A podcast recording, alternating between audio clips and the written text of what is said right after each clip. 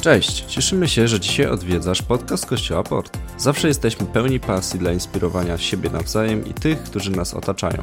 Wiemy, że mówienie z serca do serca jest czymś, czego każdy z nas potrzebuje. Zatrzymanie się na chwilę i zastanowienie nad kluczowymi rzeczami w życiu to coś, co pozwala się rozwijać, a co najważniejsze, zbliża nas do Jezusa, który dla każdego ma nieskończoną miłość i bezwarunkową łaskę. Zachęcamy, posłuchaj zawartych tutaj myśli, nawet jeżeli to dla Ciebie coś nowego. Modlimy się, żeby treść tego podcastu mogła w realny sposób budować Twoje życie. Boże, wypełnij nas, wypełnij nas na nowo. Ty jesteś wszystkim, czego chcemy. Chcemy przeżywać Twoją obecność, chcemy przeżywać Twoje działanie, chcemy być dotknięci przez Ciebie, chcemy widzieć Ciebie, chcemy słyszeć Ciebie, Duchu Święty.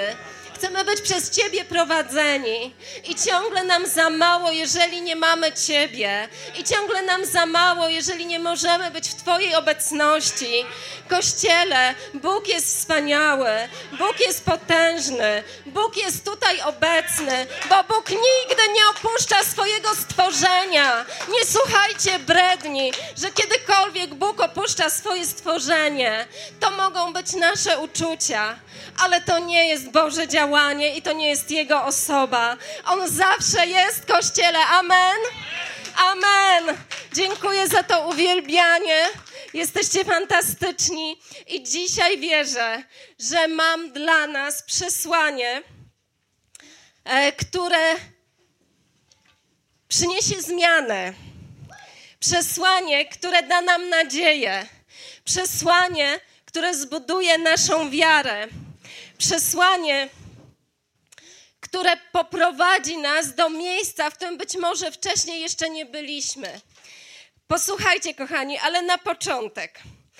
Wczoraj dowiedziałam się, a właściwie e, znalazłam zagadkę. Zagadka brzmi tak. Co łączy, co ma wspólnego bizon amerykański, goryl zachodni i puchacz zwyczajny? Uuu, też nie wiedziałam. Przymiotniki, nazwy. Wiedziałam, Juliana, że mogę na ciebie liczyć. Przymiotniki, nazwy. Słuchajcie, odpowiedź brzmi tak. E, wszystkie te zwierzęta w swojej naukowej nazwie mają coś takiego, że kiedy schodzą do podgatunku, to na przykład nazywają się w ten sposób. Bizon amerykański to bizon bizon. O, na przykład. A goryl zachodni to gorilla gorilla. Świetnie, nie? A ten puchacz zwyczajny to słuchajcie, bubo bubo. bubo bubo. Ale potem dowiedziałam się, twoje ulubione zwierzę, bubo bubo. Ale potem dowiedziałam się, że jak podgatunki schodzą jeszcze niżej, to mogą mieć jeszcze ciekawsze nazwy. Bo na przykład żubr, żubr, żubr to żubr nizinny. A goryl, goryl, goryl to goryl nizinny. Ale bubo, bubo, bubo to puchacz zwyczajny. I gdybyśmy mieli to przełożyć na nasze życie, to mogłabym powiedzieć tak. Dzisiaj to nasze niedzielne spotkanie rozpoczął Bartek, Bartek, Bartek. A na gitarze grał Michał, Michał, Michał. A śpiewała Juliana, Juliana, Juliana. I wiecie, to się często w życiu powtarza. Na przykład, kiedy mówię Arku, wynieś śmieci. Arku, Arku, Arku. Taki e, obrazek rodzajowy widzę, że wielu osobom bliski. E,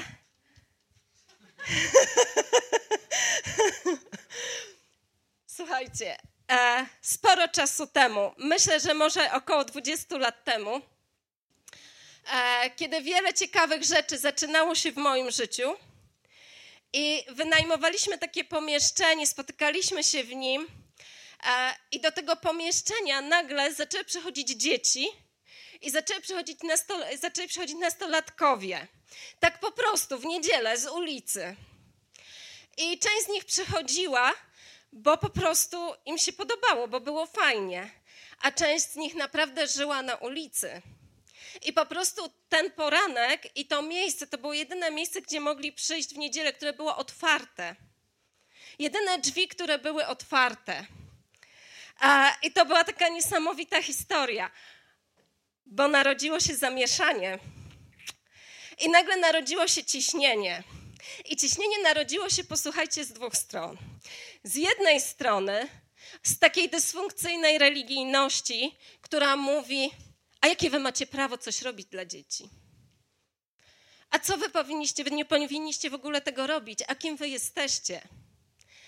E, I drugie ciśnienie z drugiej dysfunkcyjnej religijności.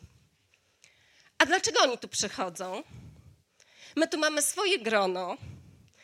Oni będą nam przeszkadzali śpiewać nasze święte piosenki, a my nie będziemy mogli już e, mówić naszym językiem. Takie ciśnienie na ciebie z dwóch stron. I te dzieci, i ci nastolatkowie, i ty patrzysz i zastanawiasz się, co masz zrobić. I jak dzisiaj, do dzisiaj mi, kochani, brzęczy w głowie taka myśl, takie zdanie, które zawsze stawia mnie na nogi, które zawsze mi pokazuje, gdzie jest kierunek. Wiecie, jak ono brzmi? To znaczy, ono mi pokazuje, żeby nie iść w tamtym kierunku, tak naprawdę. Ono brzmi tak. A po co przywieźliście ich na ten biwak? My chcieliśmy mieć tutaj czas tylko z nami tylko z nami. I wiecie co, to jest taki moment, w którym stajesz w życiu i zastanawiasz się, co masz zrobić. Bo wiesz, że oberwiesz i z jednej strony i wiesz, że już nie będziesz w gronie fajnych, bo oni się będą spotykać bez ciebie, bo ty się spotykasz z jakimiś ludźmi, z jakimiś dziećmi, z jakimiś nastolatkami, którzy zaburzyli cały system religijnego patrzenia. I wtedy po prostu zakładasz płaszcz który być może jest na ciebie za duży.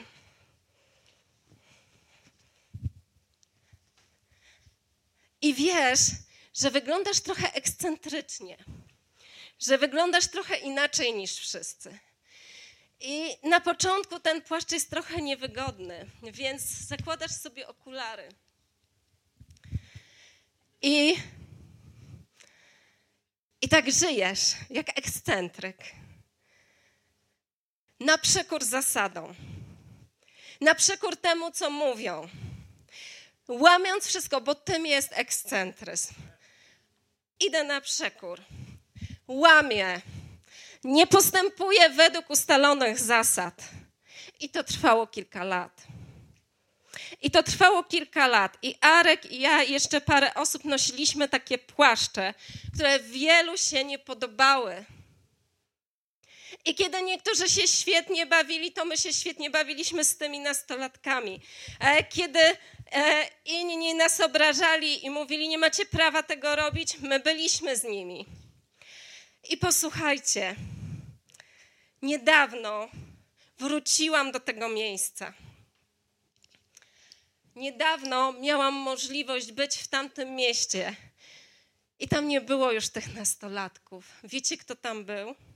Pamiętajcie, że zaczęłam tą historię opowiadać, ona się zaczęła jakieś 20 lat temu. Niesamowici dojrzali ludzie. Jaki mają biznesy. Jak prowadzą swoje życie. Jakie rodziny założyli. Jakich mają mężów, jakie mają żony. Niektórzy z nich odpowiedzieli na Boże powołanie, żebyście słyszeli, jak głoszą, żebyście słyszeli, jak prorokują żebyście widzieli, jaki kościół prowadzą, żebyście widzieli, jak piękny ten kościół zrobili.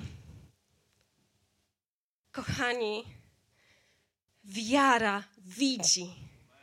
Dlatego nie boi się nosić ekscentrycznego płaszcza. Wiara widzi, widzi dalej niż to, co jest w zasięgu tego takiego fizycznego wzroku. Mojżesz, taki człowiek z Biblii, opisany w Biblii, postać z historii Izraela. E, on wziął Izraelczyków z Egiptu, gdzie byli niewolnikami, przeprowadził ich przez Morze Czerwone, uratował ich, wprowadził ich na pustynię i powiedział tak: tu jest Jordan, tam jest Kanaan.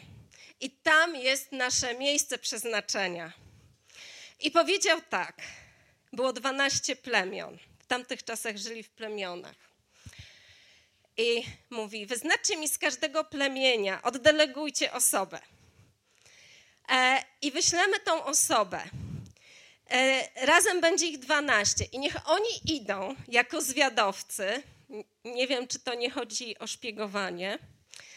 I niech oni idą jako zwiadowcy do Kananu. E, I tam zbadają wszystko, co tam jest. I niech zobaczą, jakiej wielkości tam są e, warownie. Niech zobaczą, jaka, jakie e, rzeczy ziemia rodzi, jakie owoce, jakie warzywa, jak to wszystko tam wygląda. I wiecie co, to nie wiem, jak to powiedzieć, bo tych dwunastu zwiadowców oddelegowanych to nie był byle kto. I właściwie zasada jest taka, w ogóle na świecie nie ma byle kogo, bo nikt z nas nie jest byle kim. Amen. Cieszę się, że to słyszymy. E, ale oni byli wyznaczani przez książęta każdego z, e, każdego z plemion. Jest o nich mowa, że stali na czele rodów, byli naczelnikami rodów, więc znali się na rzeczy. Ludzie opiniotwórczy, ludzie mający wpływ, tak jak ty i ja, my mamy wpływ i my mamy, możemy tworzyć opinię. Każdy z nas ma jakiś wpływ i każdy z nas może tworzyć opinię. Oni byli ludźmi wpływu, byli ludźmi opinii.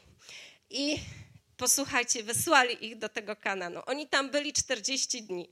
Po 40 dniach wrócili, poszli do Mojżesza i Arona. Ci tam od razu zebrali całe zgromadzenie, takie zwyczaje mieli, więc zebrał się. Był Mojżesz, był jego brat Aaron, był, byli wszyscy Izraelczycy i mówią: opowiadajcie. I oni zaczęli. I mówią: Mojżeszu. I wszyscy Izraelczycy, słuchajcie, owoce to są takie, że jak zerwaliśmy winogrona, to musieliśmy je w dwójkę na kiju nieść. Słuchajcie, owoce granatów, figi, wszystko tam jest olbrzymie. I oni stoją i wow, wow. I potem oni mówią, i ludzie są tam olbrzymi. I to jest miejsce niebezpieczne, żeby tam zamieszkać. I powinniśmy się bać. I opowiadają tą historię, i nagle Izraelczycy zaczynają się bać. Zaczynają odczuwać strach. A ci zwiadowcy, widząc, że oni mają wpływ, ich opinia się liczy, zaczynają dalej. To są jacyś potomkowie jeszcze większych olbrzymów. Oni są tak wielcy, wiecie, oni rośli, w miarę mówienia rośli w oczach tych Izraelczyków i w oczach tych zwiadowców. Oni są tak wielcy, że my jesteśmy przy nich tak mali jak szarańcza. Ktoś kiedyś powiedział, a kto im to powiedział? Który olbrzym im to powiedział? Widzieli to, co widziały ich oczy, ale oczy bez wiary. Oni stworzyli opinię. Stali się youtuberami pokolenia. Stali się fluence. Pomóżcie mi. Bartek, pomóż. Influencerami. Będzie dobrze, jak powiesz to trzy razy szybko. Influencerami, influencerami, influencerami. Teraz zgodnie z kazaniem. Dobrze. Pokolenia. Tylko, że ten wpływ i te opinie były pełne braku nadziei, pełne strachu, pełne przerażenia, pełne tego, żeby zatrzymać, pełne tego, żeby przestraszyć, pełne tego, żeby powiedzieć im: My się do niczego nie nadajemy. My jesteśmy tak niepozorni, tak niewiele umiemy. Wiecie, oni e, tak przestraszyli tych ludzi, że ci Izraelczycy zaczęli mówić: No, nam już lepiej było być niewolnikami, niż żyć w wolności. I oni właściwie powiedzieli, to my już wolimy zostać tutaj na tej pustyni. I słuchajcie, ta ich opinia sprawiła to, że ludzie, którzy mogli drogę przejść w niespełna miesiąc, albo może miesiąc i trochę chyba, tą drogę można było przejść, zostali na tej pustyni przez 40 lat. I mamy informacje w Biblii, że większość z tych ludzi, którzy doświadczyli tego strachu, łącznie ze zwiadowcami, zostało na tej pustyni. To było miejsce, gdzie żyli i gdzie umarli. Gdzie żyli i gdzie umarli. Kilka ważnych myśli o pustyni. Pustynia. Możecie jeszcze chwilę cofnąć, nie wyświetlać tego? Dziękuję Wam bardzo. E, pustynia, kochani, to miejsce, którego doświadczy każdy z nas. I prawdopodobnie nie jeden raz w życiu, ale kilka razy.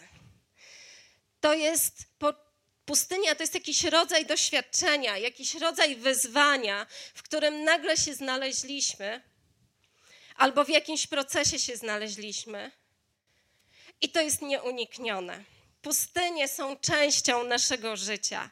Czy wierzymy w Pana Boga, czy nie wierzymy, doświadczymy jakiegoś rodzaju pustyni. Ona jest takim symbolem symbolem doświadczenia, symbolem wyzwania, symbolem troski, bólu, choroby.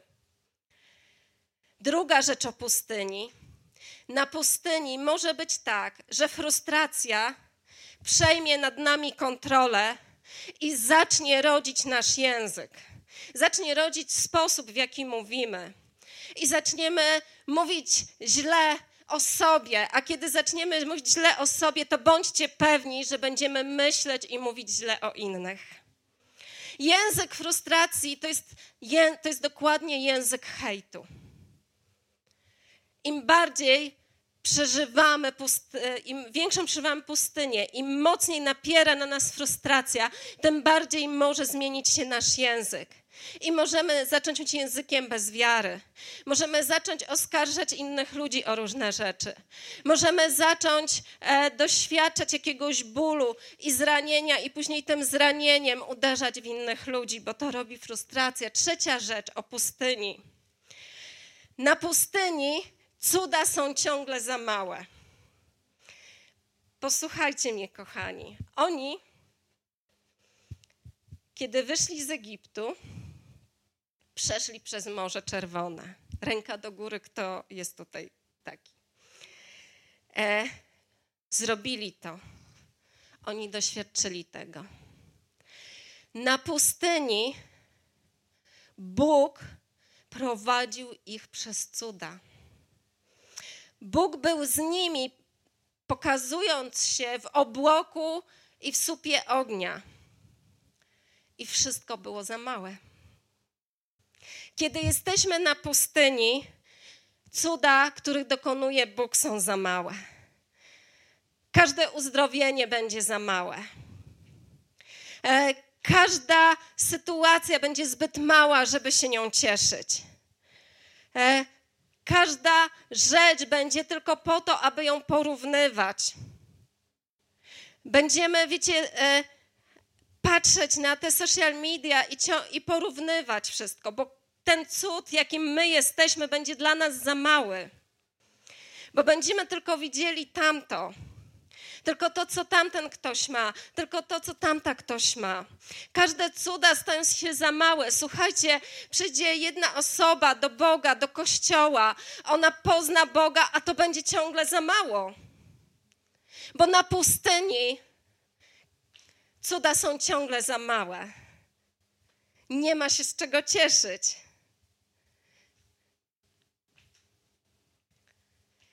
I jeszcze jedna bardzo ważna rzecz o pustyni. Na pustyni jest obecność Boga i nigdy nie pozostajesz tam bez Niego. I teraz nie wiem, co się dzieje w waszych głowach i w waszych myślach, ale w religijnym myśleniu sprawa jest prosta. Dobrze się zachowujesz, Bóg z tobą jest. Źle się zachowujesz, Boga z tobą nie ma. Posłuchajcie. Oni naprawdę nie doceniali cudów Bożych. Cieszyli się, a chwilę później uważali, że tam są takie olbrzymy, że oni nic nie mogą zrobić, jakby tego Boga nie było i nigdy żadnego cudu nie uczynił. Oni e, nie widzieli tego, co, co Bóg im dawał, jak ich karmił. Oni, jest takie słowo użyte, szemrali. Dzisiaj możemy mówić właśnie sieli zamęt, źle mówili, e, byli pełni frustracji. I wiesz co? Bóg był z nimi. Wyobrażasz sobie, że jesteś takim człowiekiem na pustyni pełnym frustracji, źle mówiącym o innych, niewierzącym w to, co Bóg może uczynić, a Bóg jest z tobą. Bóg jest z tobą. I my nie możemy w religijnym systemie w to uwierzyć, bo dla nas jest system kary i nagrody ważny. I chcemy słyszeć tylko to jedno: Bóg jest tylko z tymi, którzy postępują dobrze. Dzień jest, dzień nie ma. Dzień jest, dzień nie ma. Ale Bóg był z nimi przez cały czas na pustyni i nie opuścił ich. Kiedy myślisz, kiedy wypowiadasz te słowa, nic nie znaczę. Jestem nikim. Przeżywam pustkę. Nie wiem, co mam z moim życiem zrobić. Nie wiem, gdzie idę. Nie wiem, kim jestem. I doświadczasz takiej pustyni. Chcę ci powiedzieć, Bóg jest z tobą. I powiem ci coś jeszcze. Bóg będzie na tej pustyni z tobą tak długo, jak ty tam będziesz. Tak długo, jak tam będziesz. Bo to jest natura Boga. My opuszczamy się jako ludzie nawzajem z powodu tego, e, że rzeczy są połamane w naszym życiu i w relacjach. Ale Bóg nas nie opuszcza, kiedy jesteśmy na pustyni. Kiedy jesteśmy na pustyni. Na tej pustyni Bóg jest z Tobą. I ostatnia myśl o tej pustyni. Pustynia nie jest miejscem Twojego przeznaczenia. Pustynia nie jest miejscem Twojego przeznaczenia, jest tylko przystankiem w Twojej podróży. Nie jest miejscem, w którym masz zostać, ale jest miejscem, które pojawia się w Twoim życiu ale Bóg ma zupełnie inne przeznaczenie. Wśród tych dwunastu zwiadowców było dwóch. Jeden z, ich, z nich miał na imię Kaleb, a drugi miał na imię Jozue. I teraz chciałabym Was poprosić, żebyśmy wyświetlili to, co mówił Kaleb i Jozue. Na tę wieść lud oburzył się na Mojżesza, także Kaleb zaczął uciszać niezadowolonych.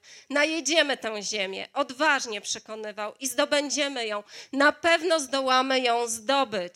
A potem Jozue i Kaleb, którzy też należeli do grona zwiadowców, mówili do Izraela: Ziemia, przez którą przyszliśmy i którą zbadaliśmy, jest ziemią nadzwyczaj dobrą. Jeśli Pan upodobał nas sobie, to nas do niej wprowadzi. On nam da tę ziemię, tylko nie buntujcie się przeciwko Panu, nie bójcie się mieszkańców tej ziemi. Posłuchajcie, Kaleb i Jozue. Oni mówili słowami przeznaczenia. Oni żyli przeznaczeniem. Oni myśleli przeznaczeniem. Oni widzieli. Oni byli wśród dwunastu zwiadowców i wśród tamte, tamtego momentu, tego kim stali się Izraelici w swoim narzekaniu, oni byli ekscentrykami. Mówili coś zupełnie innego niż wszyscy.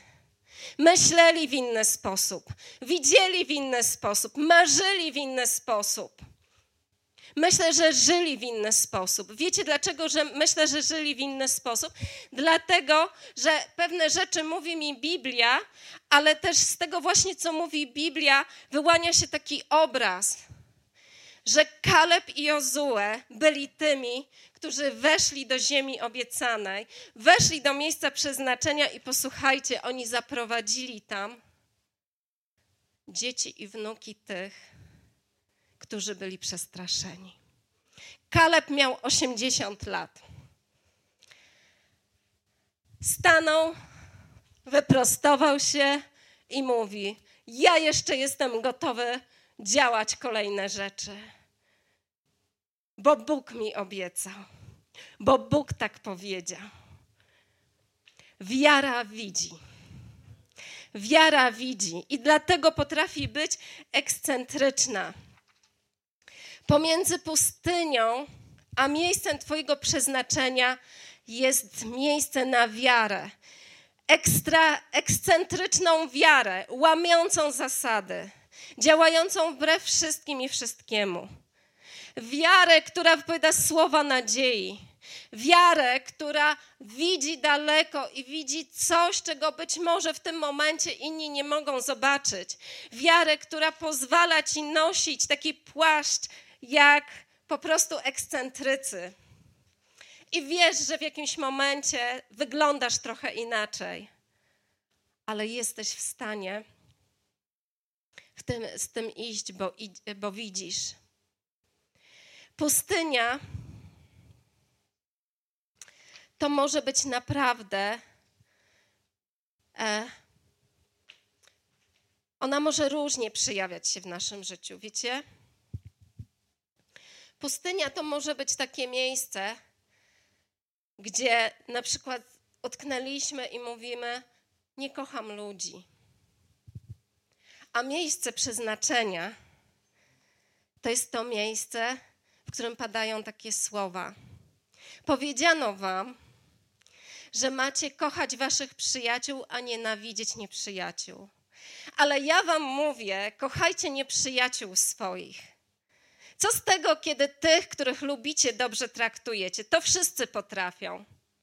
I tam użyte jest takie słowo, to nawet poganie potrafią, czyli ludzie, którzy z założenia nie znają Boga. Ale nie o to chodzi. Chodzi o to, żebyście dobre rzeczy robili i dobrze traktowali tych, którzy być może nawet są waszymi nieprzyjaciółmi. Jest pustynia, jest miejsce przeznaczenia. Pustynią, kochani, może być także to, że szukamy uzdrowienia, że jesteśmy w jakimś zmaganiu związanym z chorobą. E, albo pustynią może być sposób, w jaki o sobie myślimy. Jak myślimy o sobie, że nie ma dla nas planu, nie ma znaczenia, że wszystko, co tylko jest, to jest poza nami. Ale przeznaczeniem jest to, chcę, żebyście to posłuchali.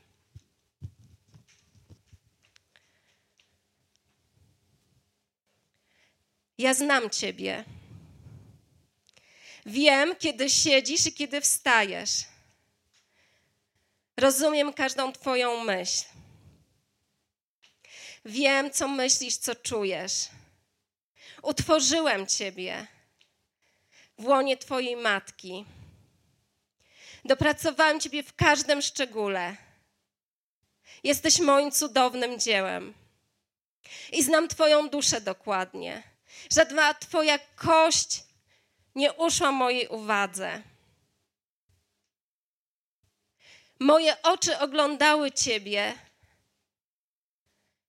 jeszcze w łonie Twojej matki. Zapisałem wszystkie Twoje dni. Zaplanowałem je, zanim jeszcze w tym świecie zaistniałeś. To jest miejsce naszego przeznaczenia. To jest miejsce naszego przeznaczenia. Pustynia Ciebie spotka. Wszystko to, co będziesz o sobie myślał, myślała, spotka każdego z nas. I to nie jest kwestia tego, że jestem złym prorokiem. To jest życie. To się nazywa życie. Jak nikt wam nie powiedział, że to się nazywa życie, to to się nazywa życie. Ale nasze przeznaczenie to jest też nasze życie, wypełnione tym, co Bóg o nas mu, mówi, jako ten, który nas stworzył. Pustynia to może być coś naprawdę różnego dla każdego z nas, ale najważniejsze jest to, że pomiędzy pustynią a miejscem przeznaczenia jest wiara w tego, który może wszystko i który nas nie opuszcza. I mogę poprosić ten fragment. A Jezus podszedł i zwrócił się do nich w tych słowach: Otrzymałem wszelką władzę na niebie i na ziemi. Idźcie więc i pozyskujcie uczniów pośród wszystkich narodów. Chrzcijcie je w imię Ojca, Syna i Ducha Świętego i uczcie przestrzegać wszystkiego, co wam przekazałem. A oto ja jestem z wami przez wszystkie dni, aż po kres tego wieku, kochani. To jest to, co Chrystus do nas mówi. To jest to, dlaczego możemy wierzyć. To jest to, że możemy być ekscentrykami. To jest to, że możemy mieć nie wiadomo jaki płaszcz. Słuchajcie, to nie ma znaczenia, bo widzimy. Bo nasz Pan jest z nami, bo Chrystus jest z Tobą. I to obiecał. Prezydent Stanów Zjednoczonych. Mogę. Ale nie prezydenta Stanów Zjednoczonych. Prezydent Stanów Zjednoczonych, Johnson, jeden z wcześniejszych prezydentów, słuchajcie, on był takim zdeklarowanym, zdeklarowanym kolekcjonerem dziwnych aut. Miał ich naprawdę dużo i część z nich trzymał na swoim ranczu w Teksasie. I wśród tych aut było też takie auto amfibia. I on uwielbiał robić jedną rzecz. Kiedy przyjeżdżali do niego goście, zapraszał ich na przejażdżkę. Siadali w tym aucie, on oczywiście siadał za kierownicą i jechali. I tam na tym ranczu była, e, był taki zjazd do jeziora z góry. I kiedy wjeżdżali na ten zjazd, on dodawał gazu i zaczynał krzyczeć: Hamulce nie działają, hamulce nie działają, utoniemy, utoniemy. I wszyscy w tym aucie krzyczeli i to mu sprawiało wielką radość. I tak robił z dużą ilością swoich gości. Mogę zdjęcie? A później to auto wjeżdżało na jezioro. Wstańcie, kochani, będziemy się modlić. Wjeżdżało na jezioro e, i płynęło. I on się śmiał. Oni pewnie byli jeszcze trochę zestresowani. Pewnie niektórzy o nim źle myśleli. Ale on widział. On wiedział. On wiedział, co to za auto, i on wiedział, że to auto wjedzie na jezioro i że nikt się nie utopi. I że to nie hamulce puściły. To jest tylko trochę inna sytuacja. Wiara widzi i dlatego zachowuje się ekscentrycznie. On wiedział, że kiedy zabierze ludzi do tego auta i wjedzie z nimi w jezioro, to naprawdę nic się im nie stanie. Był o tym przekonany. Wiara może być ekscentryczna, bo widzi. Dlatego pewnie nieraz może się wyróżniać, dlatego może działać wbrew schematom ale widzi. Ja chcę się dzisiaj, kochani, z Wami modlić. Chcę zaprosić nas do modlitwy. Nie wiem, co jest pustynią w Twoim życiu. Nie wiem, w jakim miejscu się znajdujesz. Właśnie może to, że myślisz źle o sobie a może to, że nie potrafisz zmierzyć się z taką miłością do ludzi, którzy Ciebie otaczają. A może pustynią jest to, że czujesz się samotnie. A może pustynią jest jakieś zmaganie w małżeństwie. Cokolwiek to jest i w jakiejkolwiek jesteś sytuacji, ja chcę się dzisiaj z Tobą modlić. Modlić o wiarę, o to, żebyś mógł, mogła ubrać taki płaszcz, który być może w momencie, kiedy będziemy się modlić, poczuje, że on jest za duży. Ale tak naprawdę ty do niego urośniesz.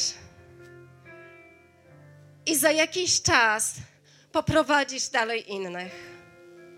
Chcę, pewnie macie pytanie, jak chcesz się ze mną modlić. Chcę Ciebie poprosić tutaj, do mnie, tutaj do przodu, będę tutaj stała. I możesz przyjść i modlić się, modlić się tutaj. Będziemy się tutaj modlić. Jest też taki stolik, na którym są dwa, dwa kolory kartek. Na jednym możesz napisać to, jak Bóg odpowiedział na Twoją modlitwę. Na jednej, o co się potrzebujesz modlić i możesz to włożyć tej, na tą ścianę. I ludzie, którzy odpowiadają za modlitwę, wezmą tą kartkę i będą się modlić o Twoje życie. Będą się modlić o Twoją potrzebę. Będą się modlić o Twoje wyjście z czasu pustyni. Zapraszam Was, kochani. Jeżeli czujesz się zainspirowany, zapraszamy do nas. Spotykamy się na Huzarskiej 3A w Redłowie każdej niedzieli o godzinie 11. Na miejscu będą osoby, które przyjaźnie Ci przywitają i podadzą wszystkie potrzebne informacje.